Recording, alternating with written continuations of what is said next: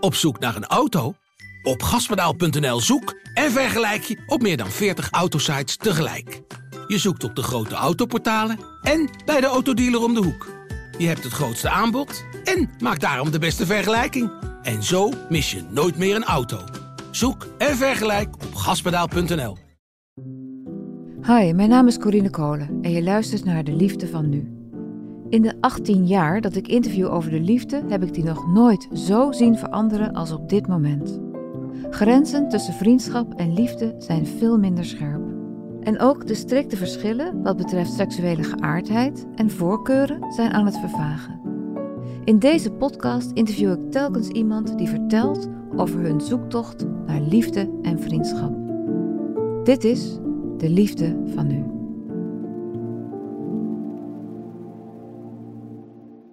Joy, wat ontzettend leuk dat je hier bent. Ja, dank je voor het uitnodigen. Je komt net van de genderpoly Ja. in op het VU, echt Ja, net. Echt Wat net. heb je daar gedaan? Ik heb eh, zojuist eh, mijn eerste eh, recept voor mijn hormoonbehandeling gekregen. Aangezien ik transgender ben. En daar heb ik heel lang op moeten wachten. Is ondertussen drie jaar. En ik ben happy. Daarom ben ik ook zo relaxed. Nou, wat is er gebeurd dan in die afgelopen drie jaar dat je daar zo lang op moet wachten? Ehm, voornamelijk corona, uitstel van afspraken. Het heeft gewoon heel lang geduurd. ja. En daar ga je vanavond mee beginnen. Nou, het ligt eraan wanneer het klaar ligt bij mijn eh, apotheek. Natuurlijk, ja. En dan meteen afspraak maken bij de dokter, inderdaad. Hoe is dat? Ja, ik, eh, ik denk dat ik het nog even moet verwerken of zo intern. Want ik heb er zo lang op gewacht en zo lang op voorbereid, zo lang naar uitgekeken. Dus, dus het is nog niet helemaal ingekikt dat het daadwerkelijk gaat gebeuren. Wat zeggen ze? Wat gaat er, wat gaat er de komende weken of maanden Eh, gebeuren? er kan borstgroei ontstaan, er kan eh vetredistributie plaatsvinden. eh, dat is mooi eh, gezegd, vetdistributie. minder, minder haar. Het is van alles wat kan gebeuren. Maar ja, nogmaals, het is zo up in the air hoe je gaat reageren op de eh, medicatie. Qua persoon is dat zo verschillend. Dus je kunt, daar, je kunt daar eigenlijk niet van op aangaan. Soms gebeurt er heel weinig, soms gebeurt er heel veel. Daarom ben ik daar ook wel heel erg, zeg maar, eh, nuchter in, denk ik. Omdat ik mezelf niet wil jinxen in verwachtingen creëren. Want ik heb geen ideaal perspectief van, oh, zo moet ik eruit zien. Maar ik, wil wel, ik ben wel op zoek naar een vorm van vervrouwelijking. Die mij ultiem, als ik in de spiegel kijk, gelukkig maakt. Zeg maar, ik kijk, ik kijk veel ruimer naar het concept van gender. En ik denk dat mijn genderexpressie ook veel minder binair is dan wat ik zeg maar misschien uitdraag naar mensen of hoe ik het vertel. Maar het stukje aangezien worden als vrouw, dat is bij mij wel essentieel in mijn genderbeleving. Ik wil wel dat mensen naar mij kijken en denken van, oh ja, dat is een, dat is een mevrouw. Maar eh, kun je dat, ehm, dat, dat moment, of dat je, nee, jij zegt, laat ik het zo vragen. Jij zei, ik, had dat, ik heb het nodig om als vrouw aan, eh, aangezien te worden, of aangekeken, of in ieder geval behandeld te worden. En, Ja. en dat mensen meteen zien, ik ben een vrouw.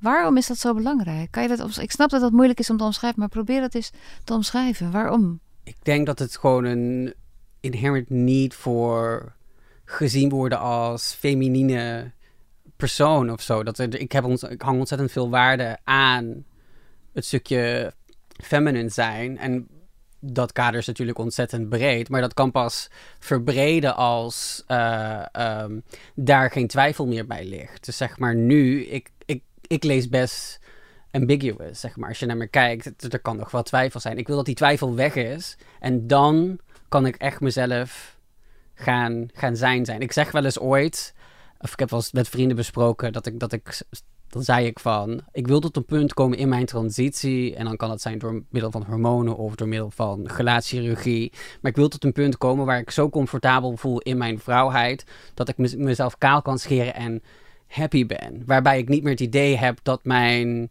vrouwheid een, een performance moet zijn, zodat andere mensen mij goedkeuren. Nee, want dat wou ik net zeggen. Het is Ja. eigenlijk idioot, hè? Dat je dan zo'n zo'n soort van lange tocht hebt gemaakt om jezelf te bevrijden van het oordeel van anderen. En dat je dan vervolgens vrouw wordt en eigenlijk opnieuw dat oordeel van anderen heel erg belangrijk blijft vinden. Ja, en, maar daar, daar ontkom je gewoon niet aan. Dat is gewoon, I, I guess, the crux of our society.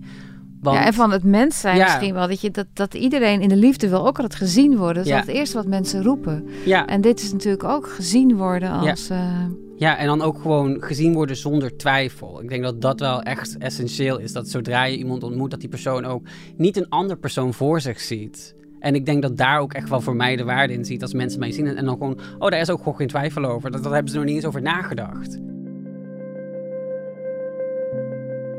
Voordat je hier aan die transitie begon, ben je, was je homoseksueel. Ja, ik leefde mijn leven echt als een open homoseksuele uh, cisjongen. En ik heb heel veel relaties gehad, ik heb heel veel dingen meegemaakt.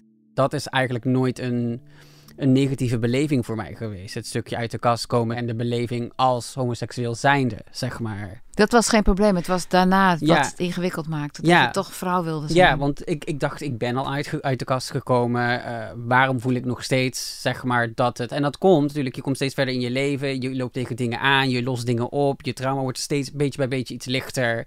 Uh, je komt iets dichter bij jezelf te staan. Je bent eerlijker tegen jezelf, waardoor je ook weer meer dingen op tafel durft te leggen. En dat je opeens weer dingen realiseert. Dan denk je, oh. Het is een soort ontrafeling hè, van iets. Ja. Elke keer gaat een soort walen van je af. Ja. Ik had altijd een masker op. Wat voor masker? Um, zorg dat je normaal doet. Echt heel erg aan het, aan het toneelstukje spelen. Ik was wel heel goed in het concept geven van... oh, maar het gaat goed met Joey. En alles is oké met Joey. Het voelde echt alsof het op mijn hoofd vast genaaid was. En dat ik nu langzaam een beetje... Ik denk dat ondertussen het masker eraf is.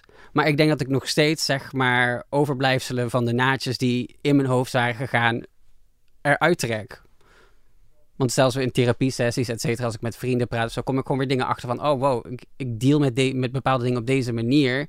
En dat gebeurt gewoon nog steeds. Ik word nog steeds getriggerd in een bepaalde reactie als ik bepaalde situaties meemaak. Want vertel eventjes wie, wie, wie je was toen je, toen, je, toen je klein was.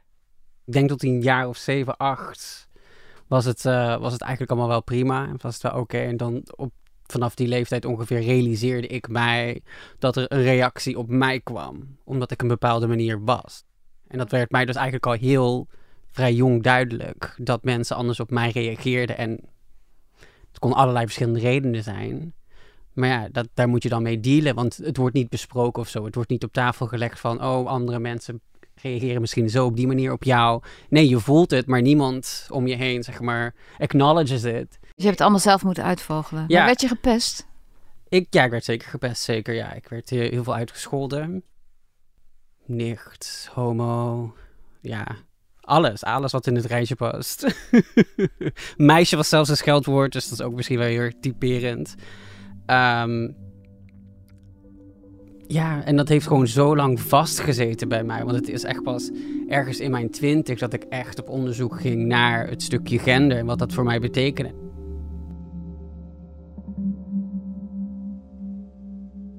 Hoe is het met de liefde? Uh, momenteel ben ik single.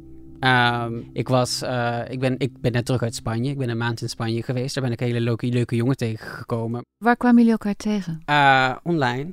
Een grinder natuurlijk. En toen kwam hij naar mijn plek, naar mijn, naar mijn appartement. En vanaf het moment dat hij gewoon mijn deur binnenstapte, ik voelde een, een, een sense of ease. Ik voelde gewoon alsof ik niet een, uh, een concept van een vrouw neer moest zetten die er nogal eens vaak specifiek door heteromannen uh, verwacht wordt. Zeg maar een soort van high-fan performance. Ik voelde me gewoon heel erg gegrond en, en het was allemaal heel natuurlijk. Ook al spraken we niet eens dezelfde taal. dus en waar zat hem dat in? Het was gewoon echt een samenvalling van uh, fysieke aantrekkingskracht. De manier van praten, ook het gedrag zeg maar in hoe we samen in de space waren er was, ik heb altijd dit concept gehad van er moet altijd iets water bij de wijn gedaan worden. En in dat hele, die, de hele situatie had ik zoiets van, er is geen water in deze wijn.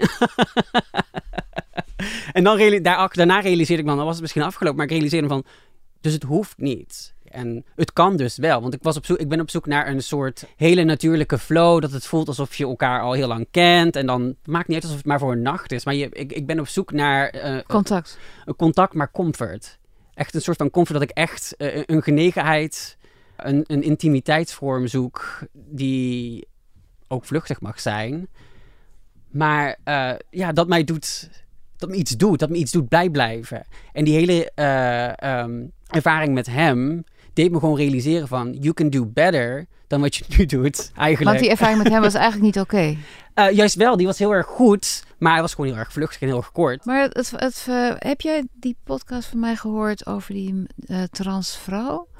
Die ontzettend veel moeite had om een leuke man te vinden. En daar werd ze heel verdrietig van. Die ervaring heb jij niet? Um, niet op die manier, nee. Ik zoek wel een bepaalde vorm van connectie.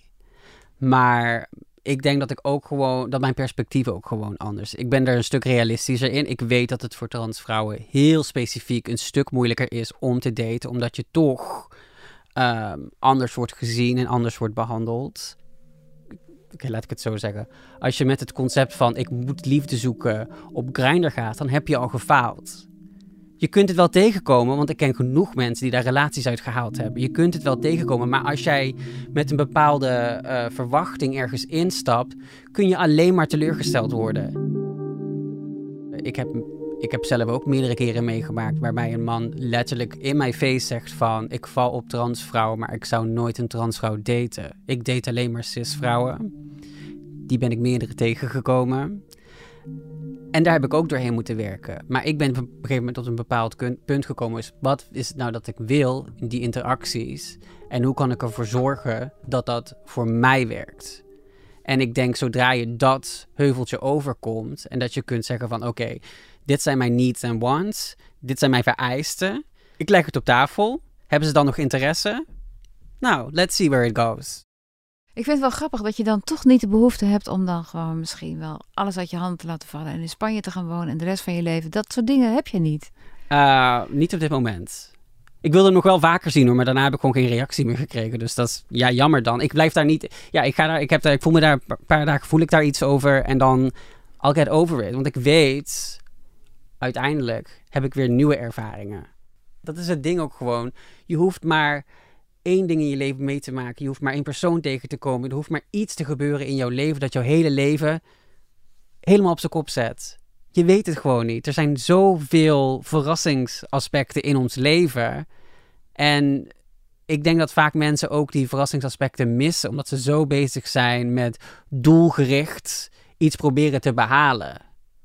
Al bij het een baan, een relatie, een vorm van leven, een gezin. Mensen zijn zo gefocust met controle op wat iets hun moet, zou moeten geven, dat ze verliezen wat er gebeurt in de hoeken van hun ogen. Wat misschien juist net zoveel impact of wel meer impact zal hebben. Ja. Ja, ik geloof dat ik het begrijp. Ik vind het ook wel een hele mooie manier van in het leven staan. Dat je gewoon, je, je, je hebt natuurlijk afscheid genomen van zoveel dingen in je leven. Je hebt zoveel losgelaten. Want hoe oud ben je nu? Ik ben 30. Je bent 30. Ja. Je hebt echt een ontwikkeling meegemaakt die de meeste mensen niet in hun hele leven doormaken. En ik kan me voorstellen dat je inderdaad dan ook op het gebied van liefde niet dingen probeert vast te houden. Want je hebt nog nooit iets vastgehouden in je leven. Zeg ik het goed of niet? Ja, redelijk. En het ding is, ik kan me nog herinneren toen ik me wel als homoseksueel identificeerde, dat ik altijd een soort van um, grudges had. Ik keek altijd naar andere mensen. Waarom hebben zij dat? Waarom hebben we dit? Het maakt je zo diep ongelukkig als je continu maar naar buiten kijkt en denkt van, ja, maar waarom heb ik dat Waar was je jaloers op? Nou, gewoon de genegenheid, de, de, de intimiteit, de, de, samen, de samenzijnheid. Ik, je bent natuurlijk ook een beetje, ja, moet ik niet zeg maar, een beetje gebrainwashed door het concept van, oh, zo zien relaties eruit en zo moeten ze eruit zien. Als je zo'n relatie niet hebt, dan ben je incompleet. Want dat is wel de fantasie die we vaak verkocht worden. Maar in die periode dat je, laten we zeggen, homoseksueel was, heb je toen ook niet langdurige relaties ja, ja. gehad? Ja, ja ik, heb, eh, ik heb meerdere relaties gehad. Nou, niet per definitie langdurig, maar ik heb wel relaties gehad, zeker ja. Maar dat, ja, elke keer gebeurde er wel iets. En ik was ook niet de meest aardige persoon, want ik werd ook echt uh, geleefd door mijn trauma je, je bent achter, tenminste voor mij had ik had het gevoel dat ik achter iets aan het rennen was, wat niet per definitie uh, voor mij zou werken. En het heeft mij heel lang geduurd tot een punt te komen waarbij ik zoiets heb van, maar wat is nou echt daadwerkelijk wat ik wil en wat gaat mij nou echt gelukkig maken? En Geluk is... bieden. Vrijheid, denk ik. En dat vrijheid kun je nog steeds samen doen. Hè? Ik zeg niet dat er geen relatie aan vast zit. Ik zeg niet dat ik iemand tegen ga komen. Maar uh, uh, een soort van understanding hebben met andere mensen. Met wie bijvoorbeeld allemaal? Het kan met partners zijn, met vrienden, familie. ik denk dat we allemaal wel een beetje op zoek naar een sense of belonging zijn. En ik denk dat dit daar wel gewoon tussen hoort. En dat stukje vrij zijn is daar essentieel in voor mij, omdat ik daardoor veel kan groeien, denk ik. Ja, want die vrijheid heb je nodig om, Ja. om helemaal om dat laatste deel ook nog helemaal uit. eh, Ja, en het, is, en het heeft ook heel veel te Door te maken maken. met het. het eh, we hadden het net over de naadjes natuurlijk van het masker. Daar ben ik gewoon nog steeds mee bezig. Want net zoals een concept als jaloezie. Ik merk gewoon wel dat ik. Als ik bepaalde gevoelens voor iemand heb, dat ik dan een soort van initiële reactie heb. En die wil ik niet hebben. Maar ja, daar moet je wel doorheen werken. Snap je? Dat zijn dus allemaal van die naadjes die ik nog langzaam aan het lostornen ben. En langzaam uit aan het trekken ben. En de hoop dat het uiteindelijk tot een punt kan komen waar het gewoon goed is, goed zit. Wanneer denk je dat dat punt bereikt is? We'll see. we'll see. Zal niet anytime soon zijn, maar ik merk wel dat mijn, gewoon mijn kwaliteit van leven is gewoon aanzienlijk beter geworden. Dus ik, dus het ziet, ziet er ook gewoon rooskleuriger uit. En perspectiefvoller. Ja, nou, maar dat krijg je dus door er doorheen te ellebogen. Ja, ik denk dat ik niet dezelfde persoon zou geweest zijn als ik geen mental health struggles had, als ik niet queer was, als ik niet trans was. Dan zou ik een hele andere beleving hebben, een hele andere. En ik denk juist dat dat ontzettend veel waarde heeft gegeven aan mijn leven. Dan moet ik wel zeggen dat ik vind dat het natuurlijk anders moet. Het moet beter, de zorg moet beter, de, de acceptatie moet beter. Acceptatie, niet toleratie. Acceptatie moet beter. Maar ik kan niet ontkennen dat het, ontzettend, dat mij ontzettend veel geleerd heeft. Ik had het natuurlijk niet zo willen leren. Want ja, niemand wil door trauma leren. Maar het heeft me wel ontzettend veel doen leren.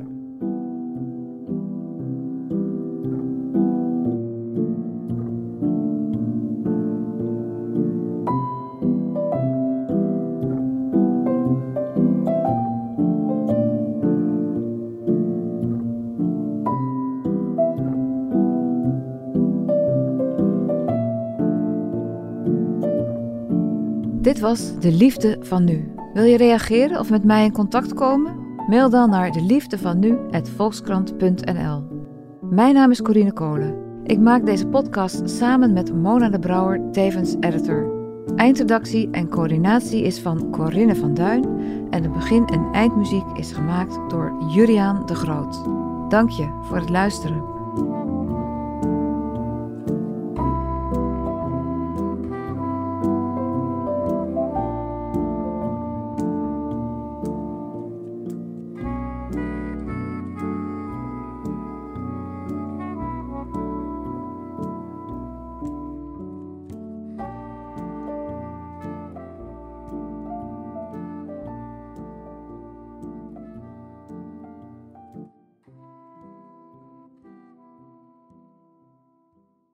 Maar wat is wel het leukste cadeau voor de kerst? Een bladcadeau. Je gaat gewoon naar bladcadeau.nl en het is zo geregeld. Welke ontvanger wil er nou niet kiezen uit de 100 populairste tijdschriften? Dus een altijd goed cadeau. Haal je snel op bladcadeau.nl.